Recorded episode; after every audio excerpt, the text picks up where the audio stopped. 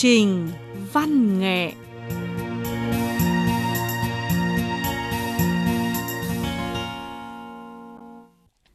Thưa quý thính giả và các bạn cư dân mạng thân mến, hoan nghênh các bạn đến với chương trình Văn nghệ cuối tuần. Hôm nay, Hải Vân xin giới thiệu với các bạn một số nhạc cụ dân tộc truyền thống của Trung Quốc, đồng thời xin mời các bạn thưởng thức một số bản nhạc dân tộc.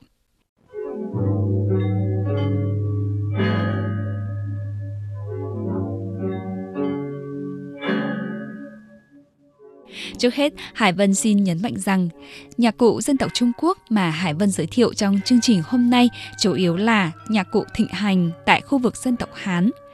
Kể từ đời nhà Chu cách đây hơn 2.000 năm, Trung Quốc đã có hơn 70 loại nhạc cụ dân tộc. Đến nay, nhạc cụ được sử dụng thường xuyên đã lên tới hơn 200 loại. Theo phương pháp diễn tấu và chức năng có thể chia làm 4 loại. Nhạc cụ thổi, nhạc cụ dây kéo, nhạc cụ dây gảy và nhạc cụ gõ. Trong đó thịnh hành rộng rãi nhất là sáo, giàn chuông, khuân, tỳ bà, nhạc cụ ống tre và nhạc cụ dây, hổ cầm, đàn cổ, đàn tranh, tiêu và trống, vân vân. Chương trình văn nghệ trước đây từng giới thiệu qua đàn cổ và đàn tranh. Hôm nay, Hải Vân xin giới thiệu với các bạn giàn chuông, sáo, tỳ bà, tiêu và khuân.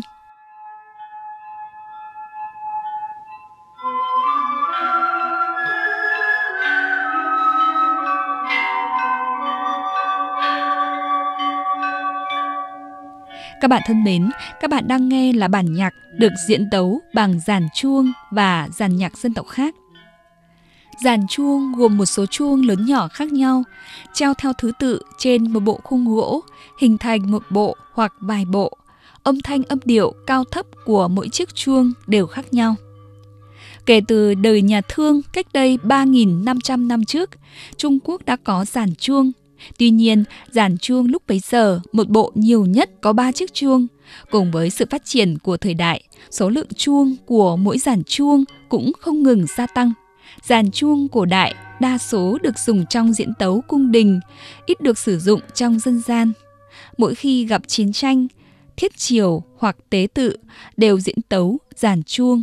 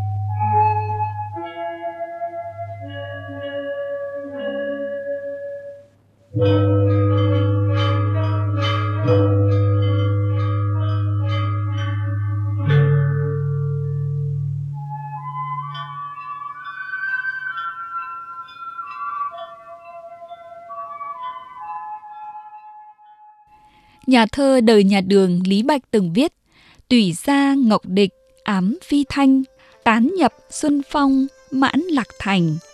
Tạm dịch là tiếng sáo ngọc nhà ai thoảng đưa tới, hỏa trong gió xuân bay đi khắp thành lạc dương.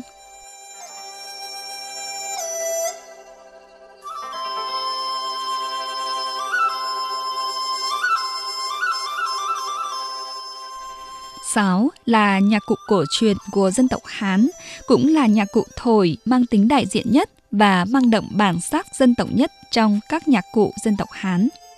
Tháng 5 năm 1986, tại di chỉ thời kỳ đầu của thời kỳ đổ đá mới ở phía đông làng Giả Hồ, huyện Vũ Dương, tỉnh Hà Nam, Trung Quốc đã khai quật ra 16 chiếc sáo xương thổi dọc được làm bằng xương thú và chim cách đây đã hơn 8.000 năm.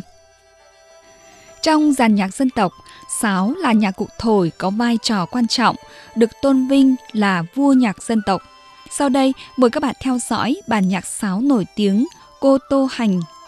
Bản nhạc này êm dịu, tao nhã, đã thể hiện quang cảnh ban mai mở sương, đỉnh đài khuê các, nhịp cầu nước chảy và tâm trạng vui vẻ của mọi người khi đi du ngoạn.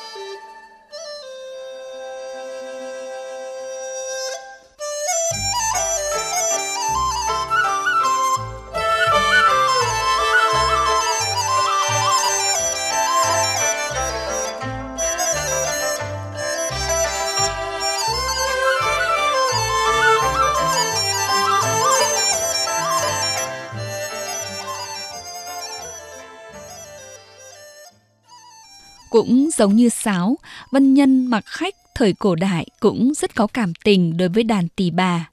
Trong thơ đường, thơ tống đều có rất nhiều câu thơ miêu tả đàn tỳ bà. Chẳng hạn như Tỳ bà huyện thượng thuyết tương tư, đương thời minh nguyệt tại, tẳng chiếu thái vân quy. Tạm dịch là Tỳ bà thỏ thẻ nhớ nhung người, bấy giờ bừng nguyệt sáng, đã chiếu áng mây trôi. Tỳ bà khởi vũ khoán tân thanh, tổng thị quan san ly biệt tình. Tạm dịch là điệu vũ khởi lên, đàn đổi nhịp, quan san ly biệt, tình giạt rào. Nhà thơ đời đường Bạch Cư Dịch còn viết một bài thơ dài Tỳ Bà Hành, thông qua mưu tả kỹ nghệ diễn tấu điêu luyện và câu chuyện bất hạnh của cô gái gầy đàn tỳ bà, bạch trần những hiện tượng bất công trong xã hội phong kiến như hủ bại quan liêu, cuộc sống lầm than, nhân tài mai một. Bày tỏ đồng tình sâu sắc đối với người con gái đó, đồng thời bộc lộ sự uất ức trong nhà thơ khi bị cách chức một cách vô cớ.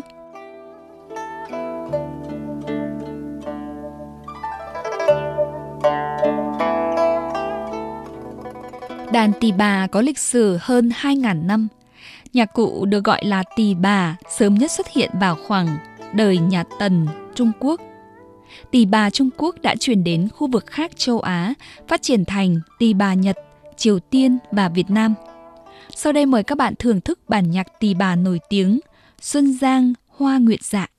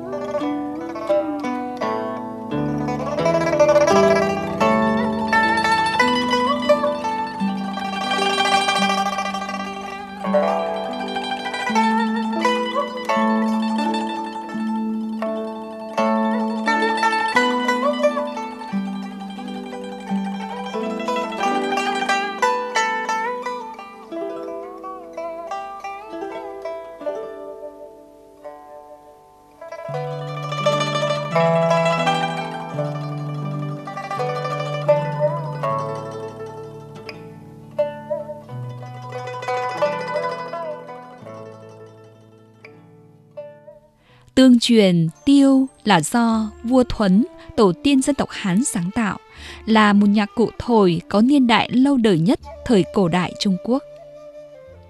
Tiêu bài làm bằng tre sớm nhất mà chúng ta biết được là tiêu bài 13 ống tăng hậu ất cách đây hơn 2.400 năm. Tiêu chia làm động tiêu và cầm tiêu, đều là ống đơn thổi dọc. Tiêu thường được làm bằng tre, theo số lượng lỗ âm chia làm tiêu 6 lỗ và tiêu 8 lỗ. Âm sắc nhuần nhuyễn, êm dịu, du dương, tao nhã. Chất liệu làm tiêu rất cầu kỳ, có yêu cầu khắt khe đối với màu sắc bên ngoài, đốt, độ phát âm, độ chấn động cũng như số lượng đốt của tre. Trong đó, tiêu chín khúc là quý nhất trong các loại tiêu, chủ yếu dùng để diễn tấu và siêu tầm. Sau đây mời các bạn thưởng thức táng hoa ngâm được diễn tấu bằng tiêu động.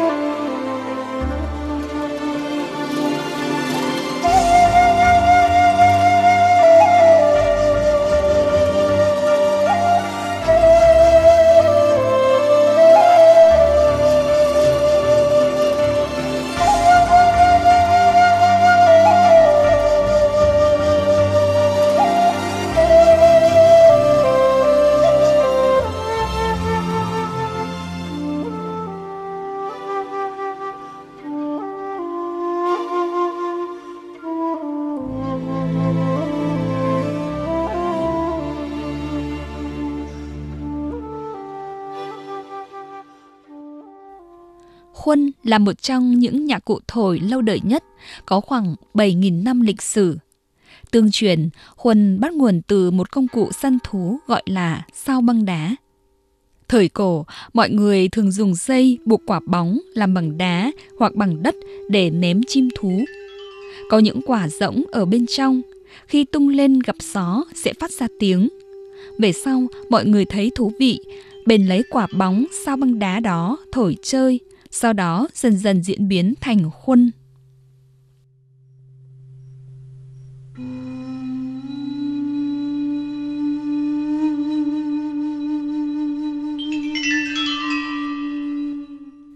Khuân đã trải qua một giai đoạn phát triển lâu dài, vào khoảng 4.000 đến 5.000 năm trước. Khuân đã từ một lỗ âm phát triển thành hai lỗ âm, có thể thổi ra ba âm điệu.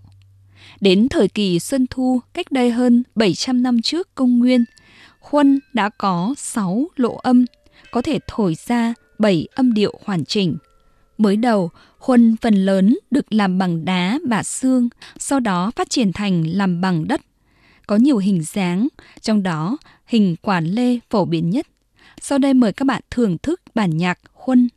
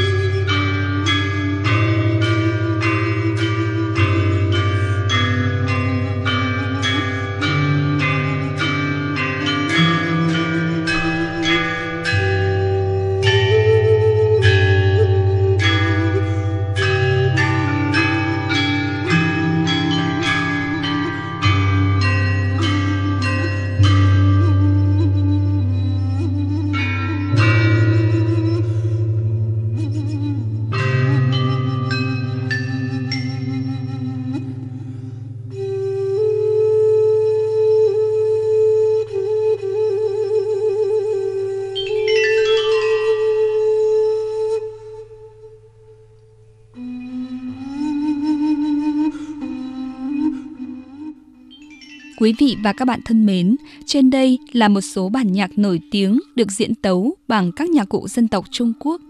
Chương trình văn nghệ cuối tuần kỳ này xin tạm dừng tại đây. Cảm ơn các bạn đã quan tâm theo dõi.